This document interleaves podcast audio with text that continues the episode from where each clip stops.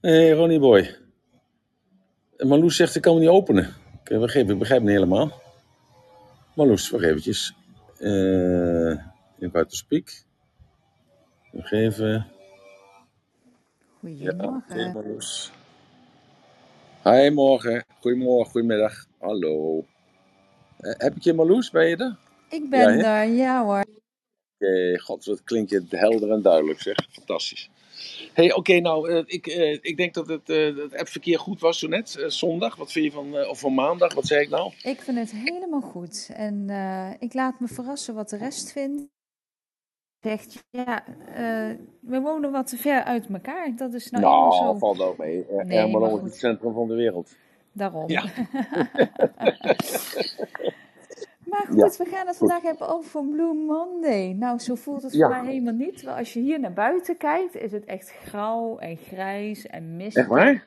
en fris. Ja, maar bij jou is het wel heerlijk weer. heeft er niks mee te maken. Het, het is een state of mind natuurlijk. En eh, ja, eh, het, het is natuurlijk ooit eens een keer als, eh, verzonnen als reclamestunt. Dus natuurlijk het mooie aan de hele situatie. Maar goed, dat eh, zal ik zo wel even vertellen. Want eh, het is op zich natuurlijk wel een verhaal. Ik, eh, als ik in Nederland ben, dan vragen ze me altijd op de radio eh, om eventjes dan te komen, morgens vroeg, om dan te vertellen over Blue Monday. Nou, dat ging vandaag natuurlijk niet. Dus hartstikke mooi dat jullie er nu zijn. En ik ga even vertellen wat.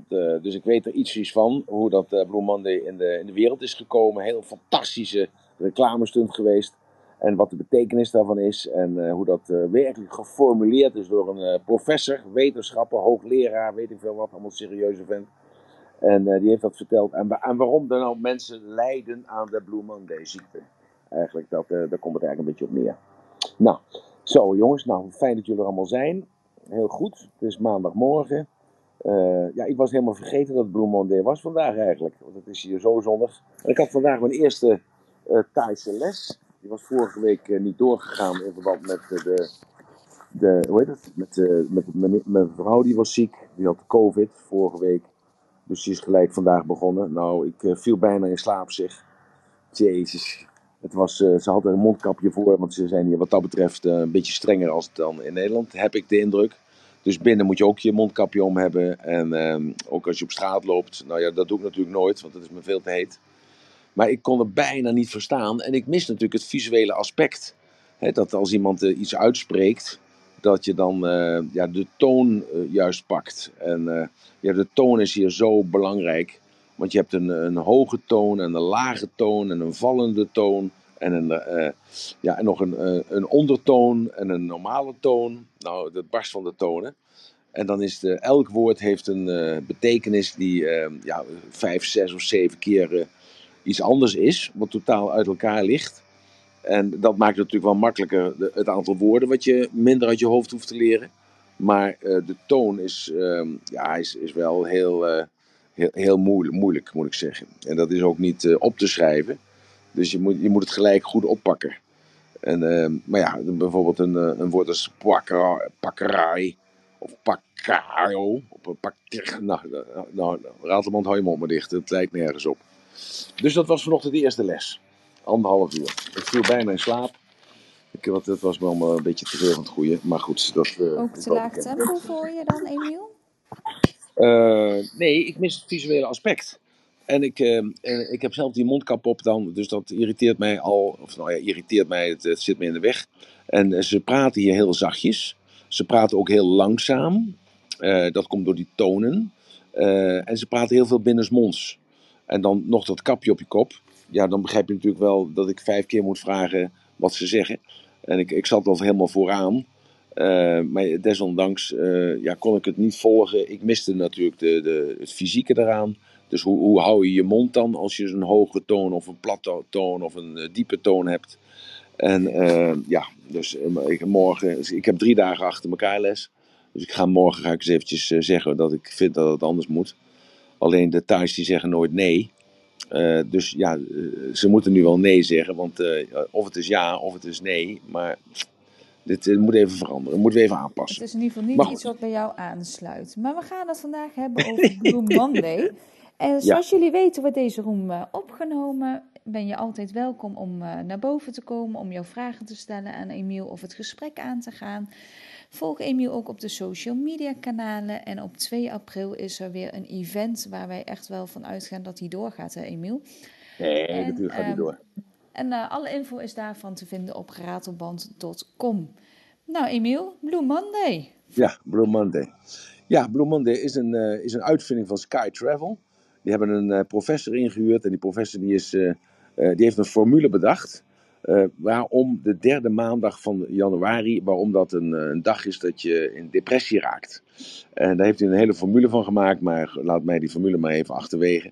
En eh, daar komt het dan eigenlijk op neer dat ja, je hebt de, post-kerstblues, noemen ze dat. Je bent dus helemaal van kerstmis en oud en nieuwjaar ben je helemaal ben je weg. Dus je zit een beetje in een gat. Er is niks waar om naar uit te kijken. Eh, buiten dat, ja, dat kerstmis, dat heb je natuurlijk, eh, je bent vol gegeten, vol gedronken.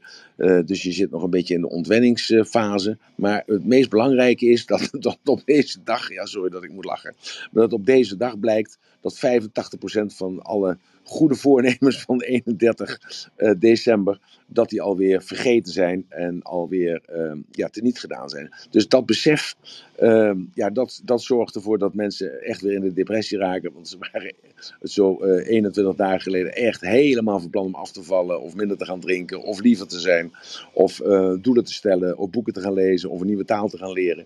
Kortom, daar is allemaal niets van terechtgekomen voor 85 van de 100 personen. Dus dat is wel heel, heel, uh, heel veel.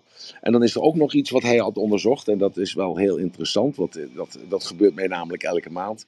Dat zijn de kredietkaarten. En jullie weten dat de economie in Amerika. Uh, die draait hoofdzakelijk op krediet. En dat zijn dan kredietkaarten waar je dus dan. Je hebt debitkaarten. Meestal zijn die in Nederland een debitkaart. Dus je hebt een kaart. Die vul je dan met 100 euro of met 1000 euro of met 5000 euro, dat maakt niet uit. En dan kun je net zoveel uitgeven als je wilt, althans totdat de kaart zegt stop, er is geen saldo meer. Dus dat zijn de zogenaamde debitkaarten. Maar wat veel erger is, dat zijn natuurlijk de creditkaarten. Daar koop je dus op, uh, op de lat. En uh, ja, Amerika staat erom bekend dat je daar dus uh, giga bedragen moet betalen aan rente. En dat valt in Nederland valt dat wel mee, want uh, ja, ze rekenen eigenlijk niks. Ze rekenen een bepaald, uh, het is volgens mij anderhalf tot 2,5 procent van de omzet rekenen ze aan de leverancier. Dus als jij een televisie koopt of je gaat eten en je moet 100 euro afrekenen, dan moeten ze 2,5 euro moeten ze dan betalen, omdat ze gebruik maken van die uh, kaart. dus de, de, de, jouw leverancier, zeg maar als het ware. En volgens mij betalen wij alleen een, een bepaald bedrag per jaar, mij 100 euro of 200 euro om die kaart te mogen hebben. Nou, en dan heb je een, een, ja, een soort kredietlijn. En dat kan zijn uh, 1000 euro, 2000 euro. En uh, ik heb een van mijn bedrijven ook 15.000 euro kredietlijn. Maar ja, dan komt de afrekening natuurlijk. En dat is dan zo'n beetje omstreeks 12, tussen 10 en 12 van de maand. Van de maand daarna. Dus dat was tussen de 10 en de 12 januari. Ja, en daar stonden wel hele hoge bedragen op. Van de tickets hier naartoe, van de de overgewicht van bagage. Uh, dekster had ik meegenomen. Die moest ik ook nog even daar ter plekke afrekenen. En die was ook nog te zwaar. En de, die bin die was te groot. Daar kwam er nog even bij. Ja, en dan natuurlijk uh, het begin hier, als je hier bent, geef je natuurlijk veel te veel geld uit. Want je koopt het gewoon op de hele verkeerde plaats. totdat je dan een, een, meisje hebt die op bedje kan passen. Dat was natuurlijk snel geregeld. Uh, ja, goed, alweer een paar keer gewisseld natuurlijk. Want het bleek dan of te duur zijn, of uh, ze spraken te goed Engels, of uh, ze spraken helemaal niks, of ze waren te stom. Of in ieder geval, we hebben nu in ieder geval een hele goeie. Die had gelijk het hart gestolen van Betteke. En die heeft me geholpen bijvoorbeeld naar de markt te gaan om daar bijvoorbeeld appels of peren of sinaasappels te kopen. Want je moet je voorstellen dat de appels die kosten hier bij de normale supermarkt, maar daar komen alleen maar Westerlingen kost die ongeveer uh, 7 euro de kilo. Nou, ik, uh, ja, precies. Ik, bij de Jumbo betaalde ik uh, 2,55 euro per kilo. En dat vond ik al schandalig veel. Maar de sinaasappels die kosten dus 10 euro de kilo. Dus uh, ja, dus dat is helemaal natuurlijk te gek voor woorden. En de bananen, die, kosten, die koop ik altijd op straat. Die kosten iets van 50 cent de kilo. Dus wat dat betreft is dat de, de helft van wat je betaalt bij de Jumbo. Want daar was eerst 99 cent en dat is nu losgelaten. Uh, dat is volgens mij 1,29 of 1,49. Uh, dat was dat. En uh, ik koop je dan de, wat koop ik dan? De pommela's zijn dat. De pommela's, dat is een, een hele grote grapefruit, die net zo groot is als een, netmeloen. En dan moet je dan helemaal lospellen. En maar die goot, dat is een diameter van ongeveer van, zeg maar 25 centimeter. Maar er zit ongeveer aan de buitenkant ongeveer iets van 5 centimeter vel op. Ja, het is en dan moet je dus, een crème om dat los te maken. Oh, je kent ze, je kent ze, je kent ze, ja. Nou, en uh, die kosten bij de supermarkt, kosten die kant en klaar, kost zo'n pakje kost, uh, iets van 10 euro. En op de markt kost één zo'n uh, pamela kost iets van 25 cent of zo. Dus, Waar zitten ja, die dus, verschillen dan in? Omdat dan echt de westerse mensen alleen maar naar een supermarkt gaan en de lokalen naar de markt. Oké. Ja, ja, ja, ja. En dat is met de kip is datzelfde laken in een pak. Je koopt de kip in de supermarkt, kost, is het wel goedkoop hoor. Is het 5 euro de kilo. Vergeleken bij, bij Nederland. Uh, dat is dan een soort schaalkip. Ja, dat maak ik er zelf dan maar van. Uh, want ze, ze, ze, hebben hier geen, uh, tenminste, nou, ik weet niet van die hele grote kipcentrales zoals dat wij hebben in, of, of, van, die, van die kippenfarms zoals dat hebben in Nederland. En je betaalt hier voor een, op de markt betaal je voor een kip de, de kilo 1 euro. Dus, maar dan krijg je de botten bij natuurlijk. Dus dat de eh, Dexter die vreet zich helemaal lens natuurlijk aan verse kip, dat kun je wel voorstellen. Oh, nou ja. een pleziertje daarmee, ja. dat is een pleziertje daarmee, ja. Zo, dus, uh, ja, dus ik doe nu de boos het giga. En het is ook elke dag vers natuurlijk. Uh, ik kook regelmatig zelf. Maar het uit eten hier is ook heel goedkoop. Ik, ik eet regelmatig ehm, ja, in een restaurant. Dat is echt ontzettend goed. Dat is een uh, Vietnamees, die, eh, die kookt Nederlands en Amerikaans. ja, ook, ook Italiaans en ook Thais en ook Vietnamees. Nou, en dan ben ik echt, als we gaan eten, dan ben ik nooit meer kwijt, echt waar, nooit meer kwijt om twee tientjes. En dan, Emilio die drinkt dan nog behoorlijk wat water of wat uh, namsom, dus sinaasappelsap. Ja, Betteke die eet natuurlijk niet zoveel, maar ja, Emilio wel. En ik ook toch wel behoorlijk veel. Het maakt niet uit wat je neemt, maar je bent nooit meer kwijt dan twee tientjes. Dus dat is natuurlijk heel goedkoop. En als je bij de Thai gaat eten, dus ja, de Thai gaat eten hier op de, op de hoek van de straat, wat echt allemaal heel schoon is. Gisteren hebben we nog gegeten, ook op het strand. Toen moest ik afrekenen, dus dat was een echt een hele goede locatie. Toen moest ik afrekenen en wat hadden we? Hij had soep. En hij had, daarna had hij lasagne. En daarnaast had hij kip in een of andere zoetzure saus. Ik had soep en ik had vis. En hij had, oh ja, hij had nog ijs.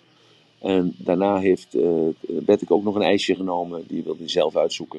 En die heeft een Magnum eruit gehaald. Toen moest ik afrekenen. Ja, dat was, daar, Magnum is hartstikke duur. Ja, toen moest ik afrekenen. Zo'n klein meisje. Ja, ja goed. Ja, ze, ze had me gekocht op de verpakking. Leuk. Maar goed, we moest, moest 15 euro afrekenen of zo. Dus uh, ja, dus, dus het heeft eigenlijk ook geen zin om te gaan koken. Oh ja, en de bloemkool. Oh ja, dat is ook even vertellen. De bloemkool. De bloemkool kost hier uh, eh, 8 euro de kilo. Ja, dat is natuurlijk. Uh, die bij jullie groeit natuurlijk. Nee, nee, nee, nee. Jawel, komt hij wel vandaan schijnbaar, maar is hartstikke duur. Maar goed, niet getreurd.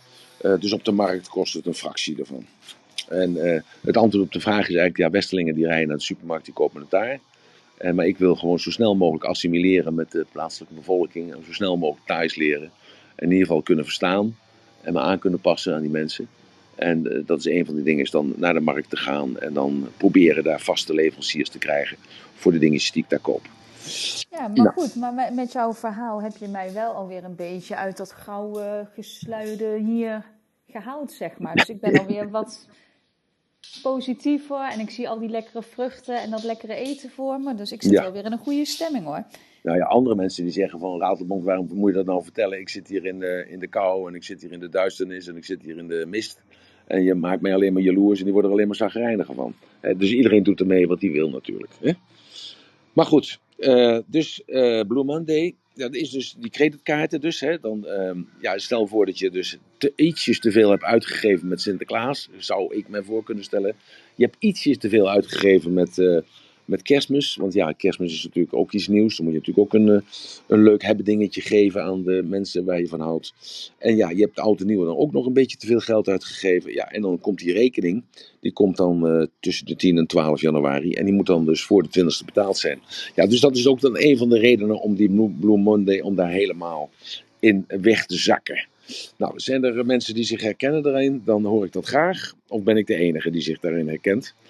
Uh, maar goed, het, het scheelt altijd maar een nulletje natuurlijk. Ja, ik denk dus, dat het ehm, ook is hoe jij uh, zelf met bepaalde dingen omgaat. En als jij bijvoorbeeld, hè, je hebt het nu vooral op het financiële stukje, dat je toch vaak uh, wat meer geld uitgeeft dan je misschien van tevoren van plan bent. Maar het kan ook zijn dat er een, een wasmachine ineens stuk is gegaan, terwijl je ook die dure maand hebt. Ja. Um, ja, ik denk ja, dat heb ik nog niet eens aan gedacht. Ja. Maar ik denk ja. ook wel dat het echt wat te maken heeft met, hè, heb je een buffer voor jezelf standaard, waardoor je daar in ieder geval niet druk om kan maken, zeg maar.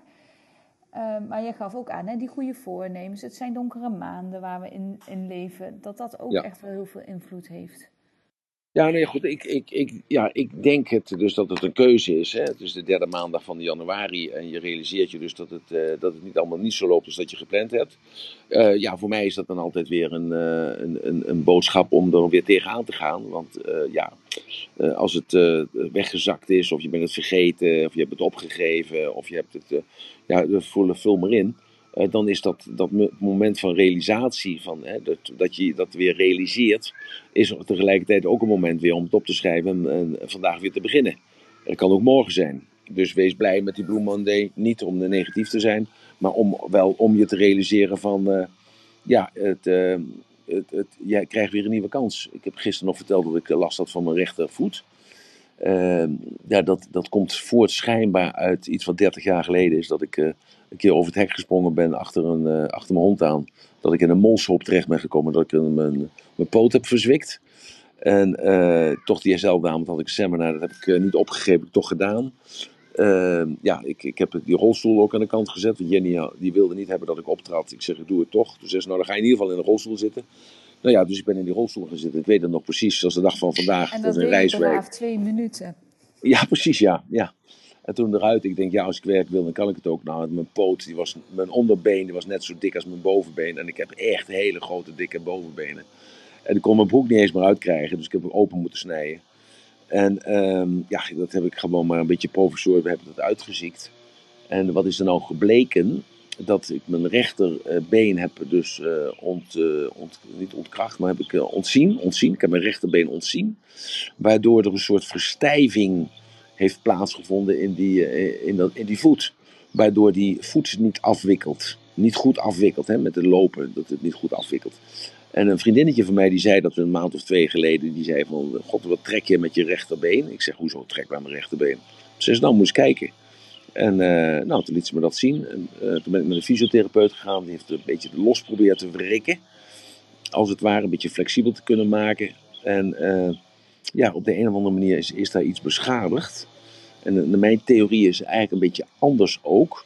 Doordat ik nogal zwaar ben en veel beweeg. Ehm, en op dit moment, ehm, ja, de laatste jaren is dat al, dat, het, dat de spiermassa's afnemen. En, en vooral dus in die voet die ik ontzien heb.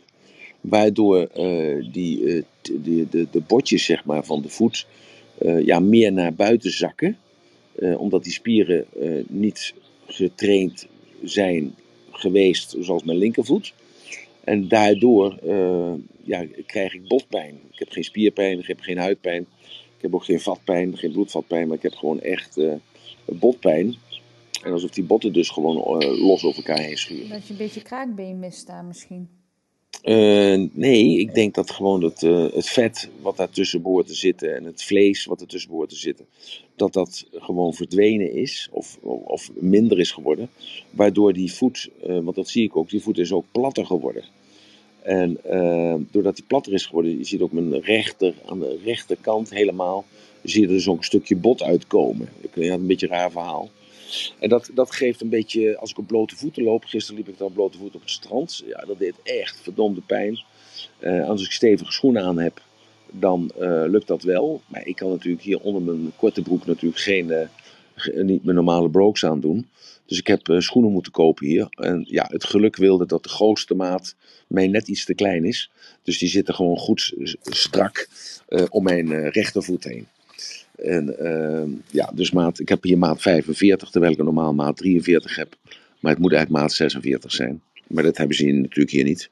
Je moet ook overhemden hebben. Die kan ik hier ook niet kopen. Ja, mijn, maat hebben ze, mijn, maat, mijn maat hebben ze gewoon niet. Ik ben gewoon uh, reus, reusje. Maat reusje.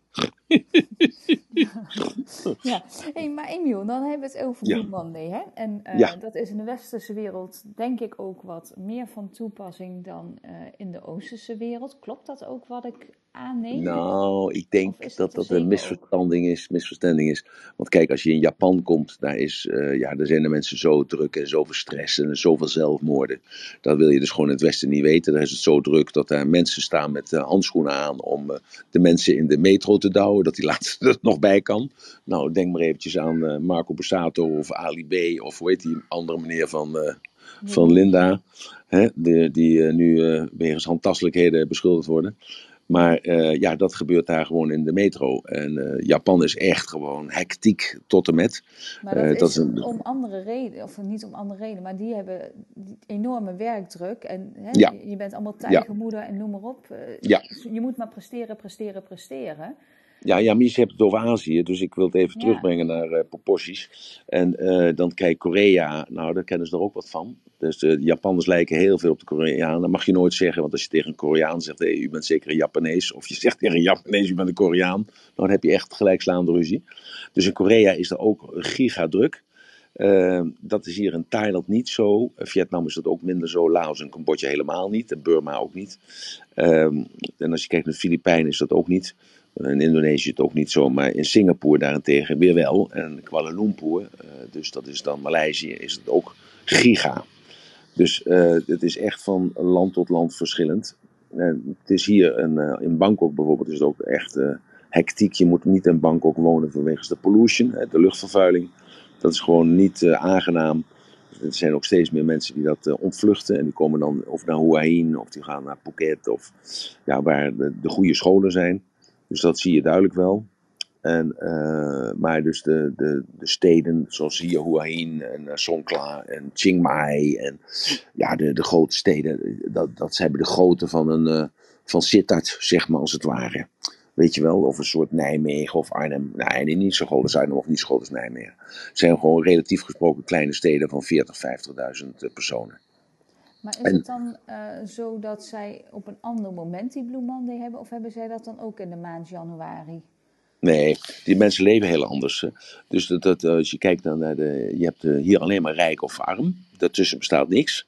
Uh, dus de rijken die zijn zo rijk, dat wil je gewoon niet weten. Die is, uh, ja, dat is uh, echt onvoorstelbaar. Toevallig een van die rijke Thais die heeft de bijenkorf gekocht. Ik Volgens mij het kruidvat, behoorde dat ook niet tot een Thai? Of nee, dat is Chinees. Chinees? Okay. Dat is een Hongkong-Chinese stad.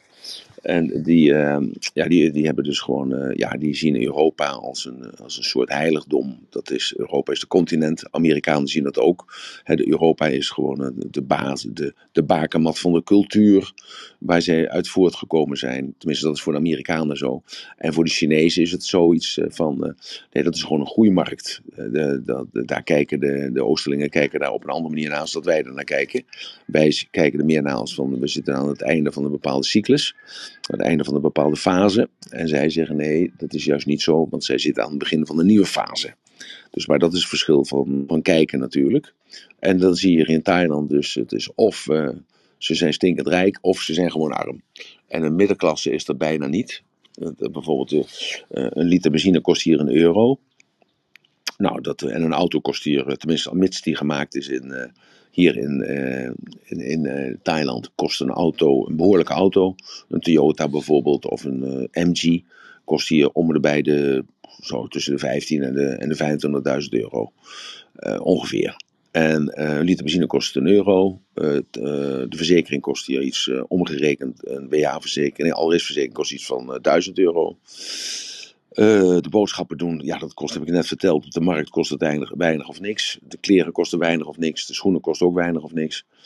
Um, ja, het wonen aan zich, uh, ja, dat is ook gewoon een, een hutje op de hei. En dan, uh, ja, dichtgetimmerd zelf, familie bij elkaar, ouders bij elkaar. Ja, dat kost ook weinig of niks, want er is zoveel land als je boer bent, uh, dan neem je gewoon een stuk land in beslag. En daar ga je dan gewoon uh, kokosnoten planten, of, uh, of ananassen, of suikerriet, of rijst. zo, dan hoef je ook niks te betalen. En de gemiddelde Thai hier, die verdient zo, de fabrieksarbeider heeft even denken, die heeft uh, 4, 500, dus, uh, 20 euro per dag, een fabrieksarbeider. En een, uh, een hulp in de huishouding, uh, die verdient 4 euro per uur. Dus dat is behoorlijk goed. En dan heb je de mensen die in de, bij, de, bij de staat werken, dus politie, douane, de, de, gewoon een heel groot ambtelijk apparaat. Die mensen verdienen zo'n beetje, een beetje 500 tot, tot 800 euro per maand. Maar dan hebben ze daarnaast hebben ze natuurlijk heel veel, ja, heel veel mooie dingen, zoals een pensioen, wat geregeld wordt voor ze. Ze hebben heel veel aanzien, omdat ze bij, de, bij het Rijk werken, bij de overheid werken. Uh, en ze vangen natuurlijk links en rechts nog wel eens wat. Zo, dus dat zijn uh, een beetje elite jobben, jobs. Ja, ongelooflijk, ja. ja. Een heel groot verschil. En uh, ja, als je een ticket koopt, bijvoorbeeld, je, je, je, je, vliegt van Amsterdam naar Bangkok, dan kost het bij de KLM kost het uh, een beetje het, het, het, 1200, 1500 piek, dus euro's. En koop je hem van Bangkok naar Nederland, dus de andere kant op, dan kost hij 600. Zo, dus ja, dat is ook, ook zoiets raars. Een hamburger van McDonald's daarentegen, die kost net zo duur als bij jullie. Dus een, een hamburger van, van McDonald's kost hier gewoon ja, 2 tot, tot 5 euro. Dus heeft ook niks te doen. De index die klopt in dit geval dan niet. Want ja. in principe is het altijd dat je dan kan zien wat de kosten voor het dagelijks nee, nee, dat is niet zo. Nee, dat is niet zo. De hamburgers zijn over de hele wereld allemaal dezelfde prijs. en het kan ietsje schelen, maar dat scheelt maar weinig hoor. En dan de Burger King is wel goedkoper. Dat zijn allemaal prijzen die ik heb gekregen van Emilio natuurlijk. En de Kentucky Fried Chicken. en de Kentucky Fried Chicken ook. Zo, dus dat is, ja. Uh, ja. Maar als je hier naar een kippenrestaurant gaat, ja, dan eet je dus gewoon heerlijke kip gewoon voor, uh, voor 3, 4 euro. Dan eet je echt gewoon uh, met rijst erbij of aardappels erbij. Maakt allemaal niet uit. En dan kun je elke saus krijgen. Nee, dus wat dat betreft is het leven hier vele malen goedkoper. Maar ja, de slagen zijn natuurlijk ook uh, vele malen goedkoper. En, maar in verhouding, daarom geef ik dat voorbeeld van die auto even aan. In verhouding is dat natuurlijk allemaal hetzelfde. En daarom zijn er heel veel mensen die investeren weer hier. Want die zeggen dus van ja, in Nederland, in eh, Europa wordt het alleen maar, kan het alleen maar uh, minder worden. En hier kan het alleen maar meer worden. Dat, dat, hoeft natuurlijk niet zo te zijn, maar dat is een aanname die heel veel uh, zakenmensen of economen dus dan berekenen. Ja. En, en zo dan hier land kopen, hier een huis bouwen.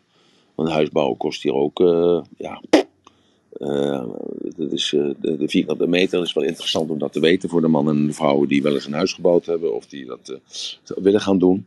je moet rekenen, in Nederland kost een huis bouwen vanaf scratch tot aan de zolder, inclusief gaslicht en water en inclusief de, de, de, toilet en, en, de badkuip en de keuken kost ongeveer een kleine 2.500 euro de meter. Dus ja, zo moet je rekenen. De grondprijzen zijn ook heel hoog natuurlijk. Nou, dat valt wel tegen hier, want de grondprijs is hier op goede locaties ook duur.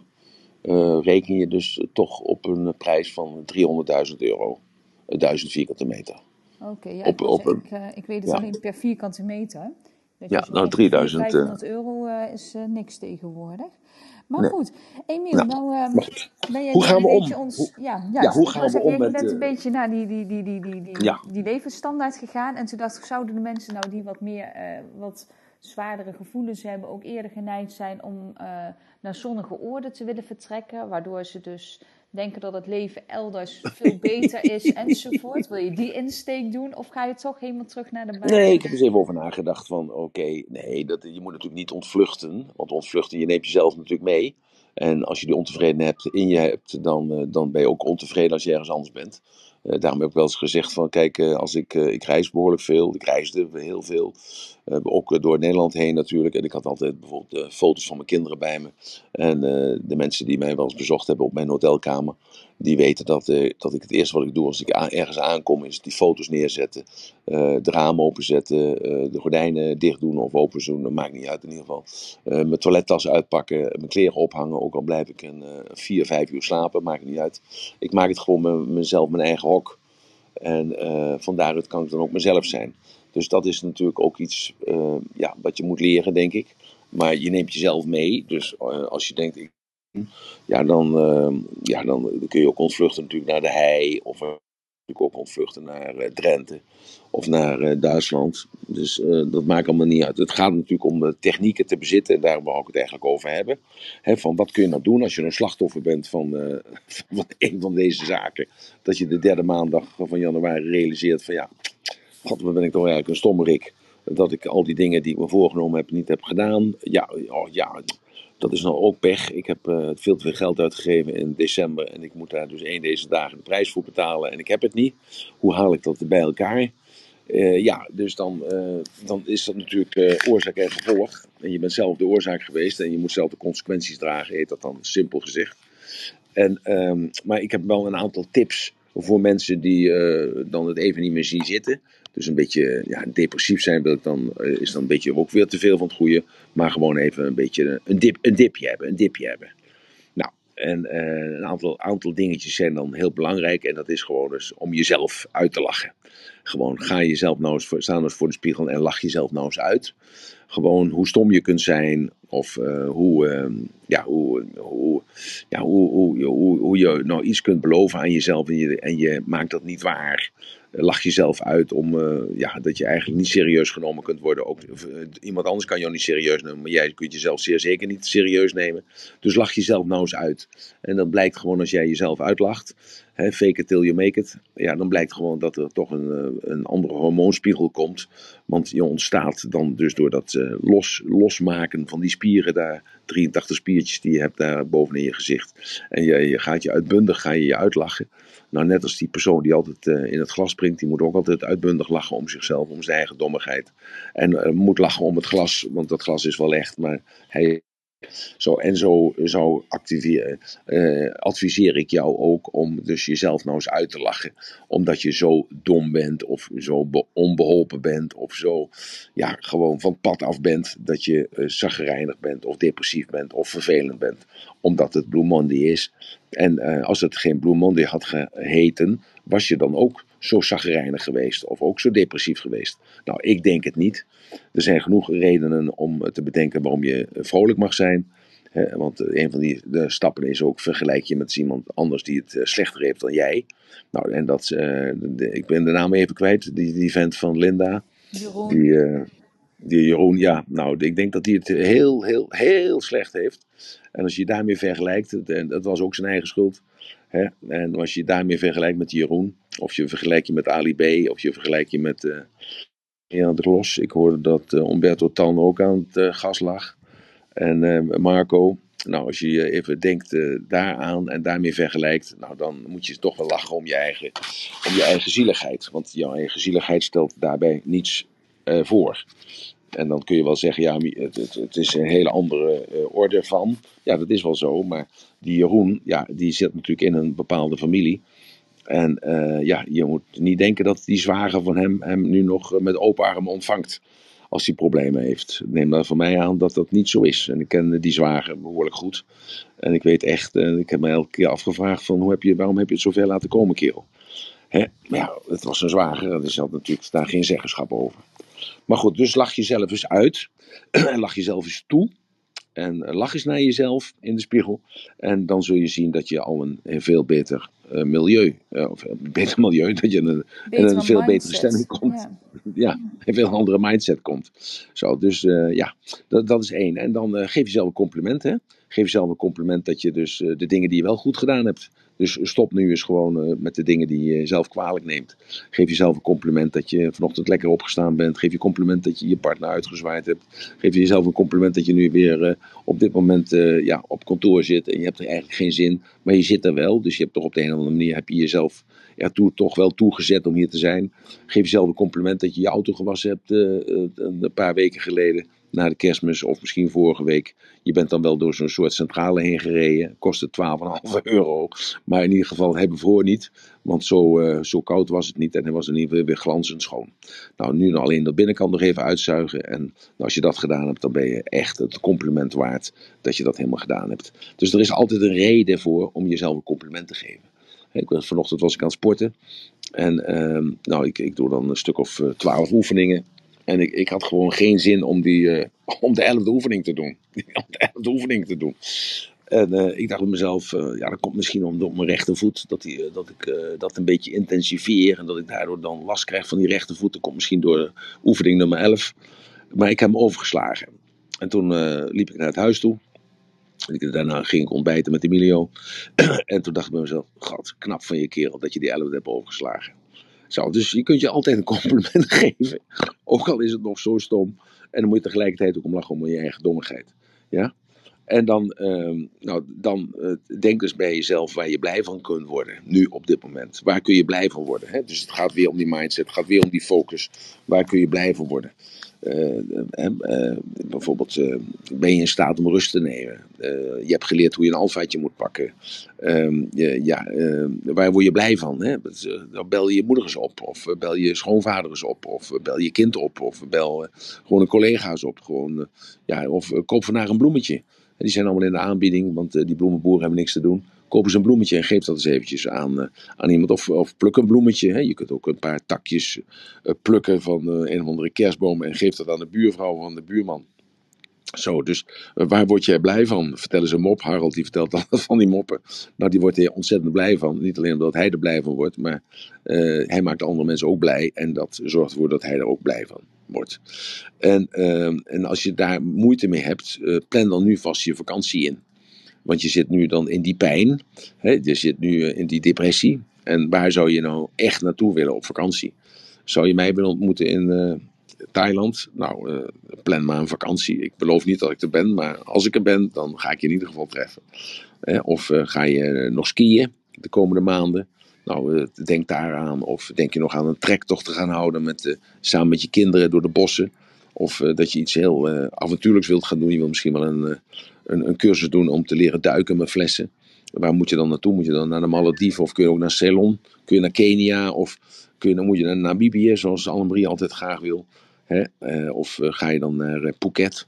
Nou, voor de prijs hoef je het allemaal niet meer te laten, jongens, want het, het zijn echt allemaal minimale prijzen.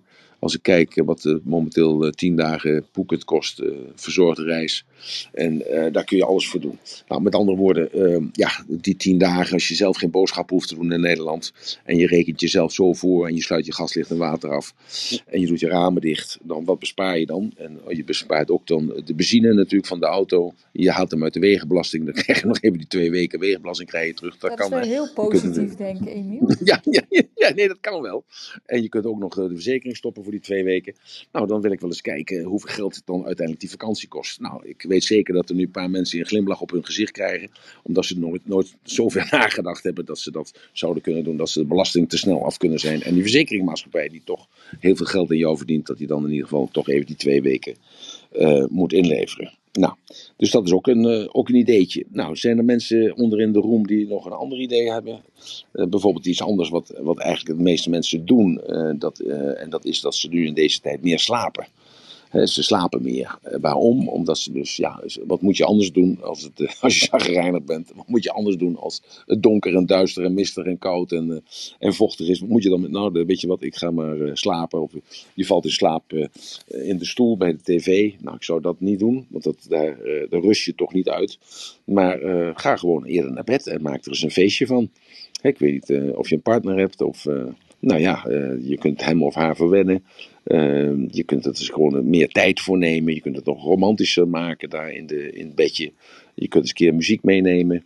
Uh, ja, geen televisie aan, maar muziek aan, kaarsjes aan, glaasje wijn erbij. En nou ja, jongens, de rest fantaseer je er maar bij.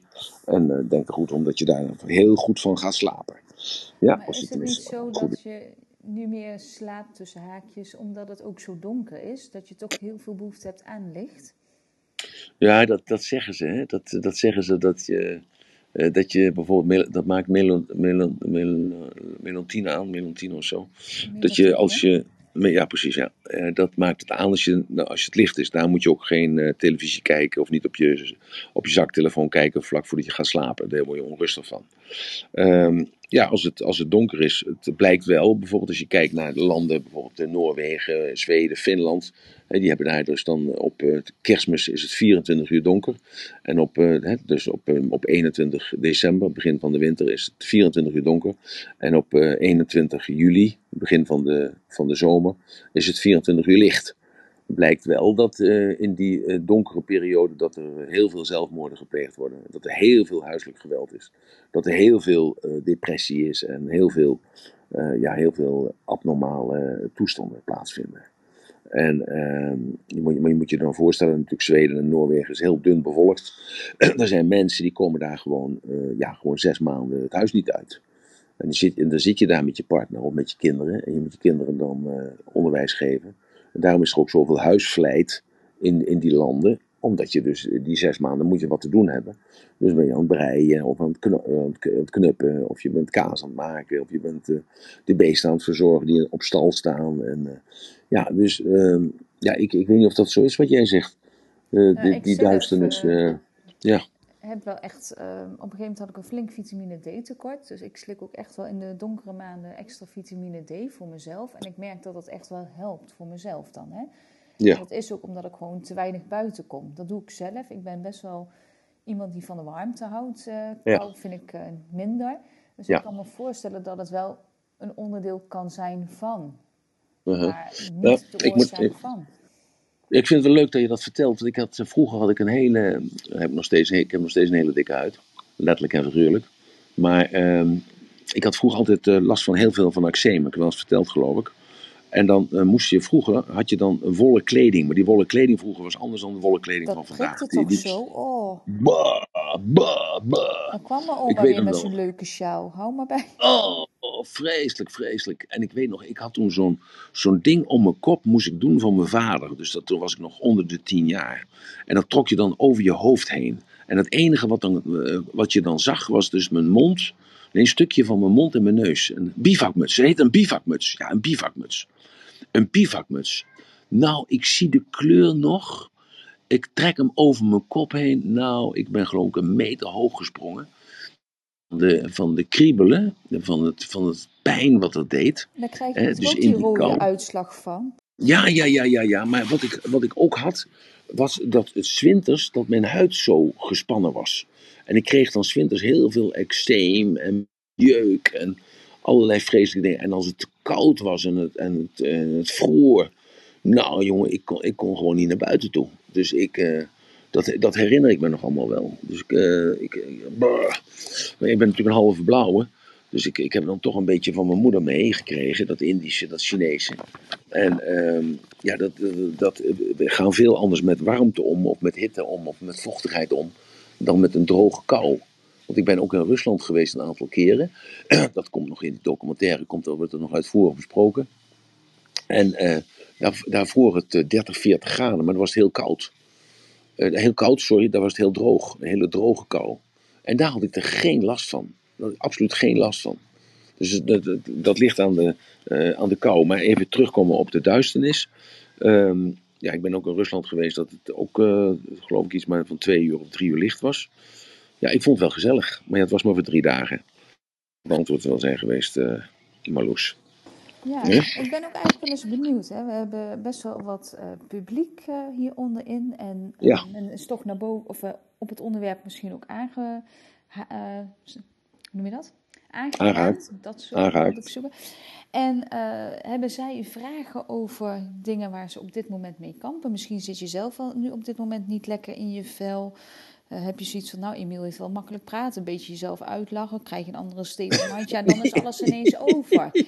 Ja, zo simpel ja, is, het natuurlijk zo. niet, maar het helpt wel. Het zijn gewoon de kleine dingen die je kan veranderen. Dus ik ben dus benieuwd of daar nog vragen uit het publiek zijn leuk dat je dat doet, want uh, dat was gisteren met Juliette ook. Hè, daar ging het er eigenlijk een beetje over ongelijkheid en kansen en dergelijke. En uh, ja, dat, we waren het niet helemaal met elkaar eens, omdat ik uh, toch wel grote cultuurclashes zie. En, ehm, en, en, toen dacht ik ook bij mezelf, dus Juliette, toen was er nog een meneer die eh, kwam er even tussendoor met een, gaf haar een echte hele grote belediging. En daar reageerde ze ontzettend positief op. toen kregen we het daar eigenlijk een beetje over, dat, uh, ja, over respect en over handelswijze. En uh, ja, je moet, je moet het natuurlijk ook weten. En dat is met, met die techniekjes dus ook zo. Hè, dat je, je kijkt dan bij wijze spreken. Ik las vandaag weer dat de grootste miljardairs. Die waren nog weer nog groter miljardair geworden sinds de, de, de COVID. Nou, de meeste mensen zijn daar jaloers op. maar je kunt ook zeggen: van wat kan ik van die jongens leren? Het zijn dan eigenlijk allemaal jongens, allemaal mannen.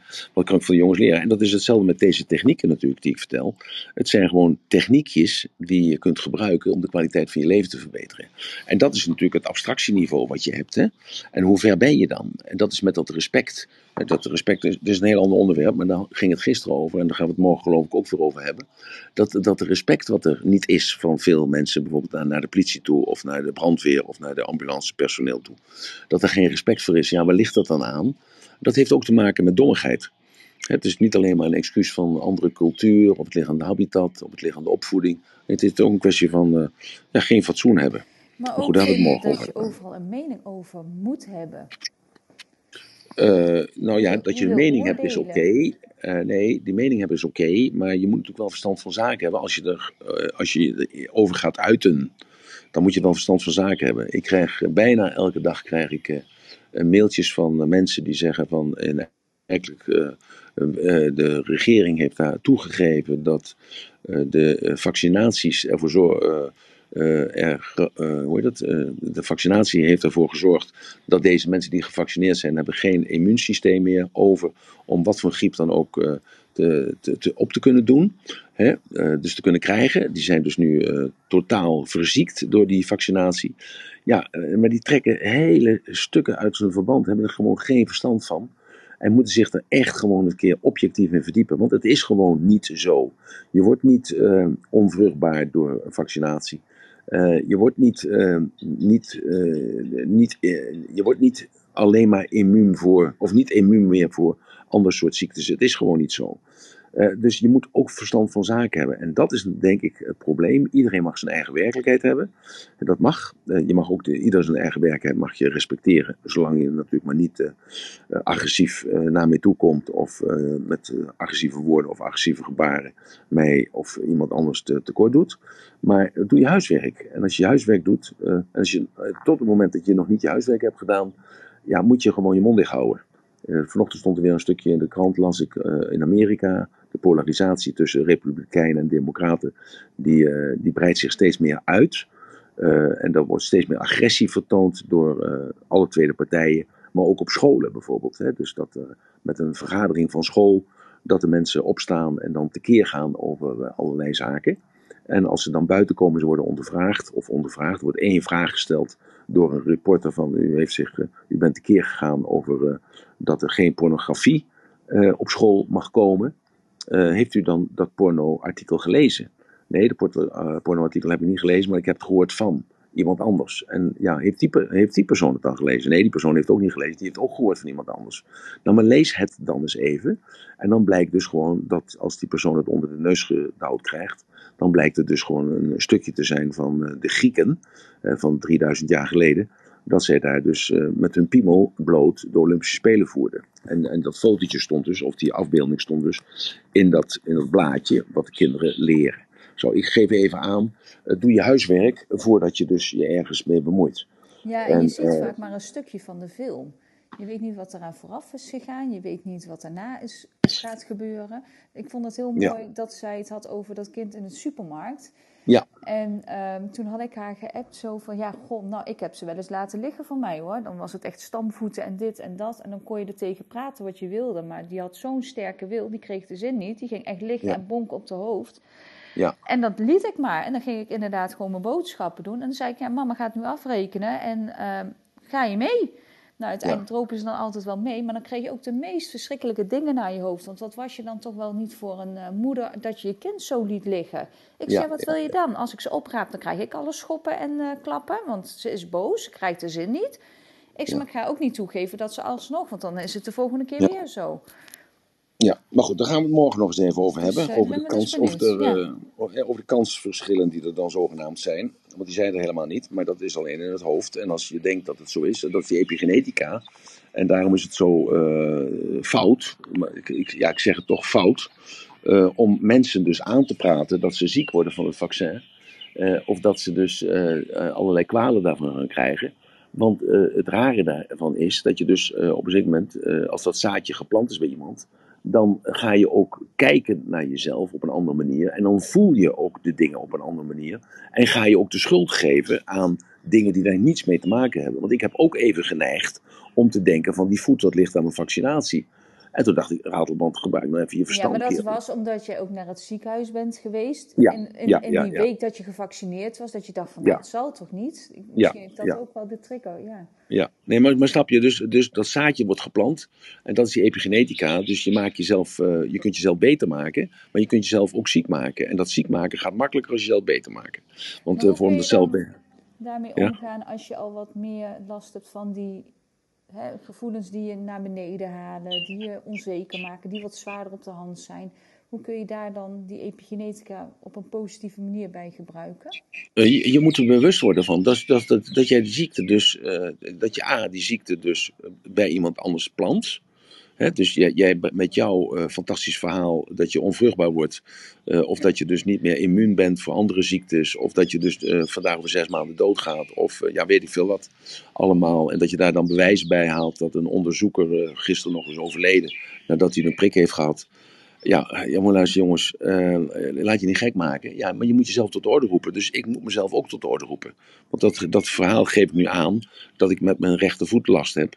En dat ik ook even dacht, ja, zou mijn zoon dan gelijk hebben dat ik een prik heb gehad van uh, anti, uh, anti-covid en dat dat nu slaat op mijn spieren en op mijn benen.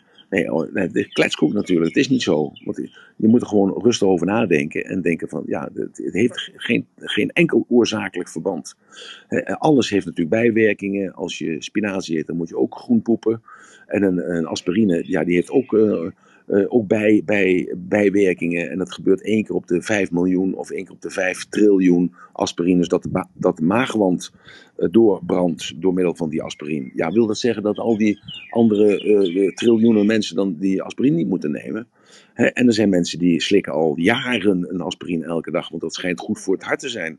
Ja, maar hoe slikken ze dat dan? Slikken ze dat met melk? En, ja, en als ze melk hebben dan, en je bent allergisch voor melk, dan krijg je daar buisjes van. Dus met al met al, de, er is overal, alles heeft bijwerking, tot en met zuurstof toe. Want adem maar zuivere zuurstof in, gedurende vijf minuten ben je dood.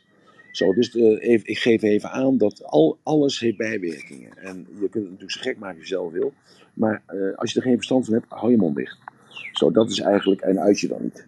Zo, dat is eigenlijk een beetje wat ik ermee zeg. Dus uh, wat moet je doen als je bijvoorbeeld in een vervelend bent? Je voelt je vervelend. Je gaat bewegen. Ga bewegen. En, uh, en, bewegen wil ook zeggen, ga de afwas eens een keer met de hand doen. Ga stofzuigen. Ga je ramen zemen. Dat hoeft met die kou hoeft dat niet aan de buitenkant, doe het binnenkant. En ga de auto van de binnenkant schoonmaken. En als je je eigen auto schoongemaakt hebt, maak de auto van je vent schoon, bij wijze van spreken. Of uh, van je schoonmoeder of van je schoonvader. Zo, dus beweeg. En, en maak andere bewegingen als dat je normaal doet. Want op een gegeven moment, als je elke dag dezelfde bewegingen maakt, je elke dag loop je vijf kilometer hard, dan, hebben die, eh, dan is dat een ingesleten routine. En die, die moleculen daarboven in je kop, of die neuronen daarboven in je kop, of die cellen daar in je lijf, die rekenen daar gewoon op. En dat is verslaving. Dus dat heeft helemaal geen zin meer om dat te doen. Dus uh, loop dan eens een keer vijf kilometer achterwaarts, bij wijze van spreken. Of kruip in je handen en voeten, kruip uh, de trap op bij wijze van spreken. Gewoon doe, beweeg eens op een andere manier. En op het moment dat je op een andere manier beweegt, en dan moet je lachen om je, gek, om je eigen idioterie. Moet je lachen om je eigen uh, andere spierspanning. Moet je, moet je, ben je bezig gewoon op een andere manier. Want lichaam en geest zijn niet onlosmakelijk met elkaar verbonden. En tegelijkertijd ook weer wel. Maar we moeten het natuurlijk niet uh, het, in het bespottelijke trekken dat het ons niet dient wat we doen. En als we ons slecht voelen, dat dient ons niet tenminste. Of je moet een ziekelijke uh, afwijking hebben.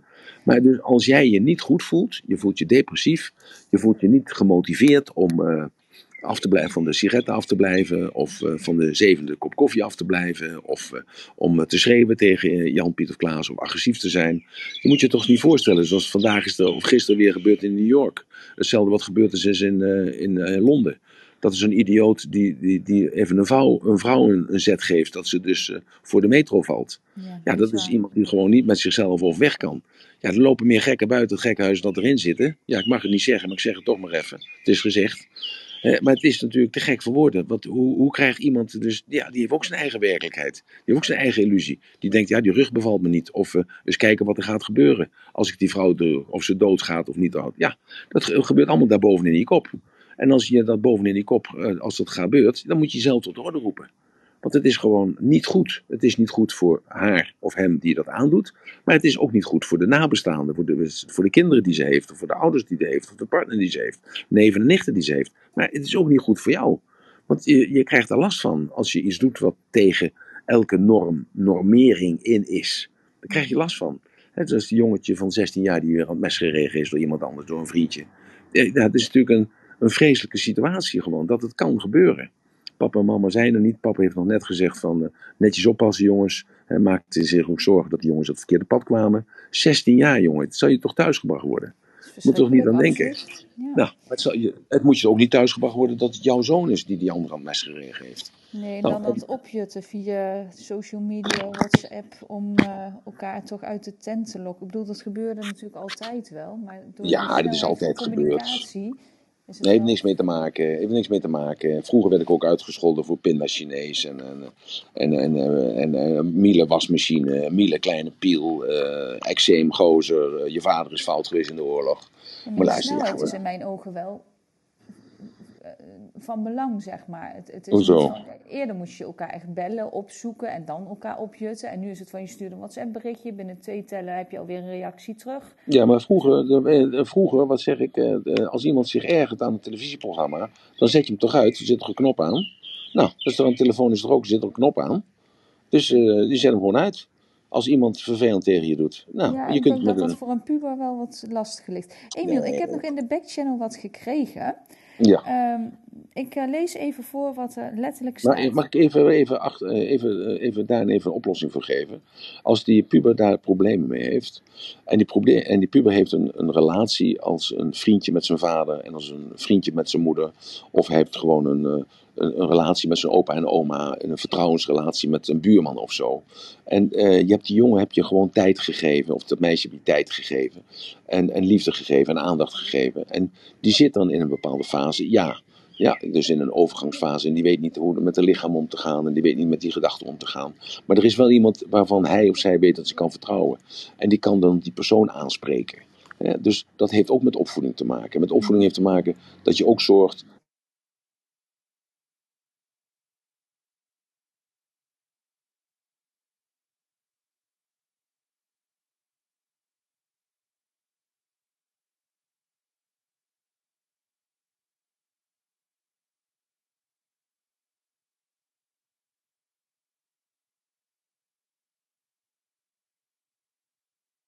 mevrouw of deze meneer niet heeft. En dat is namelijk, ik aanvaard de autoriteit van iemand die daar meer weet als ik.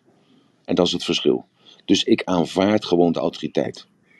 En ik aanvaard de autoriteit van iemand, en dat kan een, medicus zijn, dat kan een farmaceut zijn, dat kan de politiek zijn, dat kan uh, iemand zijn die naar mijn gevoel of naar mijn weten alleen maar het goede voor heeft met mij. En daarom doe ik dat. En als er zijn nu, nou, nou, op dit moment zijn er uh, landen, Frankrijk geloof ik, waar ze dus kinderen in gaan spuiten van tussen de 5 en de 11 jaar. Ja, dat, daar verzet ik mij tegen. Maar dat gebeurt in Nederland ook. Die uitnodiging krijgen we deze week op de mat. Nee, daar verzet ik me tegen. Daar verzet ik me tegen. Want ik vind gewoon als een kind van die leeftijd met een bepaalde griepsoort te maken heeft. Hoewel ik ook drie kinderen in mijn nabijheid heb die COVID hebben gehad. En die daar heel veel problemen na de hand van gehad hebben. Die hebben long COVID gehad. Laat ik dat even zeggen. Maar ik vind het dus een kind in te spuiten voor het risico wat hij of zij zou kunnen krijgen, vind ik te minimaal om hem in te spuiten. Maar ik, eh, ik zou dan wel, ook wel, als ik daartoe eh, besloten heb, zou ik wel, wel zelf dan de consequenties daarvan dragen. Dus dat, uh, omdat ik voor dat Ik denk dat dat ook is wat je moet doen. Ik bedoel, iedere keuze die je maakt, op welk gebied dan ook, het is jouw keuze. Met je kunt de keuze niet overzien. Ja, maar je kunt de keuze niet overzien. Dus je kunt de keuze niet overzien. Dus in, dit, in deze kader voor mij, dus ik spreek voor mij en, ja, en voor de mensen die mij lief zijn. En mijn zoon is het daar absoluut niet mee eens, mijn dochter wel. Uh, dat is namelijk dat ik de, autoriteit accepteer van degene die, waarvan ik denk dat hij het beste met ons voor heeft. Want ik geloof niet in conspiracy-theorie. Daar kunnen we ook nog een keer een roem over houden waarom ik daar niet in geloof. Want dat kan namelijk helemaal niet. Dat er mensen zijn die maken er gebruik van achteraf. Ja, dat is een ander verhaal. Maar het is niet voorbedacht met een great reset. Uh, dat mensen dus nu gewoon gaan sterven vandaag over zes maanden of wat dan ook. Of dat mensen nu allerlei RNA-deeltjes ingespoten krijgen, waardoor ze radioactief worden. Of waardoor ze. Uh... Emiel, je zei net uh, als ze RNA-deeltjes ingespoten krijgen, toen viel jij weg. Ja, sorry, ja. Mijn zoon belde twee keer. Die... Wacht even. Oh, kut. Kom Waarom bel Ja, sorry, mijn zoon. Die zat aan de, aan de dingen. Oké, dan uh, hij belt dan omdat de deur dicht zit. Sorry. hij wil erin. Is, uh... Nee, hij kan erin, want de deur, dus, er zit een deur in de poort en daar kan hij in. Maar dan komt hij buiten en is hij ongedurig en dan denkt hij de deur is niet open. Dat kan niet, de deuren waren open. Waren open, want ik had voor het meisje, voor de, uh, de oppas voor, uh, voor uh, had ik de deur opengelaten, schatje. Dus het is niet zo. Nou goed, laat maar gaan. Was gisteren hetzelfde probleem, hè? Omdat je dus niet goed voelt. Je moet eerst kijken en daarna beginnen te schreeuwen. Nou, daar ben jij. Goed. Oké. Dus uh, waar waren we gebleven? Bij vaccinatie. De RNA-deeltjes die je oh, ja. oh ja, en dan Viola Holt, die begon ook al te schreeuwen tegen mij van... kijk eens, ik ben magnetisch geworden. Want ze hebben me ingespoten met kleine magneetjes. Ja, goed. maar goed, ik, dus mijn overtuiging de, grote stukken van de overheid hebben het beste met mij voor. En er is een bepaald protocol gelopen van de WHO, World Health Organization, Organisatie. En daardoor moet iedereen zich daaraan houden. En uh, ja, dat protocol dat loopt. En uh, dat is eigenlijk uh, het protocol dat hangt ook bij jou op kantoor. Dat hangt ook bij jou in de flat. Dat als er brand is, dan moet je een bepaalde route lopen. Dan moet je bepaalde dingen laten liggen, bepaalde dingen moet je aan meenemen. Zo. En waarom volg je dat protocol? Dat protocol volg je omdat er mensen zijn die er schijnbaar over nagedacht hebben. Die mensen die hebben een protocol gemaakt, die hebben gedacht van als er wat gebeurt, dan moet je links aflopen en niet rechts aflopen. Kijk, maar als je in een hotel bent, dan hangt er ook altijd een vluchtroute. Nou, en zo als je naar de dokter bent, bij de dokter bent en de dokter zegt je pijn in je hoofd, je moet dit doen of je moet dat doen, dan doe je dat ook. Hè, omdat je hem of haar die autoriteit gegeven hebt. Dus ik geef hem of haar die autoriteit en daar loop ik dan mee in de pas. Dat is mijn antwoord waarom ik dat doe. Ik heb er niet meer verstand van dan u of ik, maar ik geef de autoriteit en ik geef het over aan de ander. Is dat duidelijk antwoord zo? Voor mij zeker, ja. Maar ik wilde net ook aangeven, hè, van je, maakt ook een beslissing op het moment, omdat met de informatie die je dan hebt en dat je dan nieuwe informatie krijgt, ja, dan kun je beslissing herzien. Maar je hebt die beslissing toen de tijd genomen omdat dat toen de juiste leek. Ja, ik, maar ik heb, uh, ik heb al eerder gezegd, mijn kinderen heb ik allemaal nooit een cocktail gegeven. Omdat ik nagedacht heb van die cocktail geven, dat, daar kreeg ik geen bevredigend antwoord op. Uh, van de consultatiebureau, want ik ging mee met Jenny naar het consultatiebureau. Ik ging mee naar de arts om te vragen hoe of wat. En die zeiden van, ja nee, dat kan niet anders. Dat is altijd al zo geweest. En we doen er nou zeven in of vijf erin. En vroeger waren het er drie. En misschien worden het er straks wel negen. En dan zeg ik, ja, maar zo'n klein lichaampje. En die krijgt zo'n cocktail met, met allemaal van die vreselijke beesten erin. Dat kan toch niet goed wezen? Ze zei, ja, iedereen doet het, dus u moet het ook doen. Ik zei, nou, daar werk ik niet aan mee.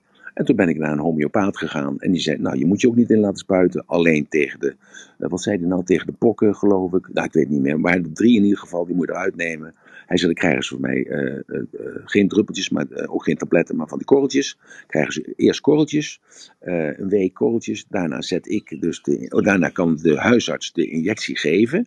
Dat was dan ja, tegen de rooion, zeg maar. Hij zegt, nou, dan heb je een week rust. Dan neem je weer korreltjes een week. En daarna doe je dus dan de andere spuit geven. En zo hebben we er zes of zeven weken over gedaan om drie injecties te geven.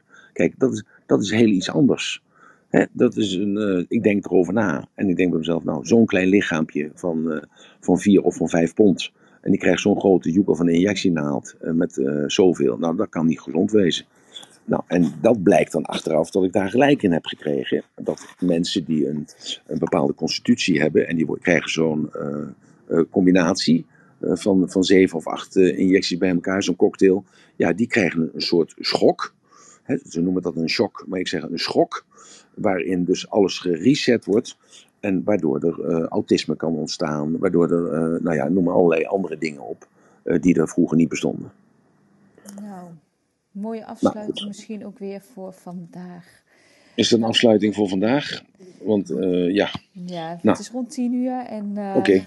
Je hebt nu uh, eigenlijk uh, een beetje tegen de mensen gezegd: hè, mocht je nou niet zo uh, prettig in je vel zitten, een beetje last hebben van die negatieve gevoelens, lach jezelf eens een keer uit of lach om jezelf. Doe eens een keer iets anders, beweeg anders. En dan krijg je al een andere state of mind. Geef jezelf ook complimenten. kijk eens waar je blij van wordt en richt je daarop. Plan je vakantie vast en ga vooral bewegen. En nou ja, dan rest mij niks anders om te vragen om het ratelbandje. Nou ja, in, de, in, de, in, de, in het verlengde hiervan zou ik dan eigenlijk willen zeggen als ratelbandje: overdenk nou eens de pijn die jij had voor 31 december om een beslissing te nemen om iets anders te gaan doen. Dus denk nou eens aan die pijn waarom je af wilde vallen, waarom je wilde stoppen met roken, waarom je wilde beginnen sporten, waarom je gewoon anders wilde gaan koken, waarom je dus je tijd anders in wilde delen, waarom je dus gewoon iets anders zou gaan communiceren. Wat was nou die pijn die dat veroorzaakte?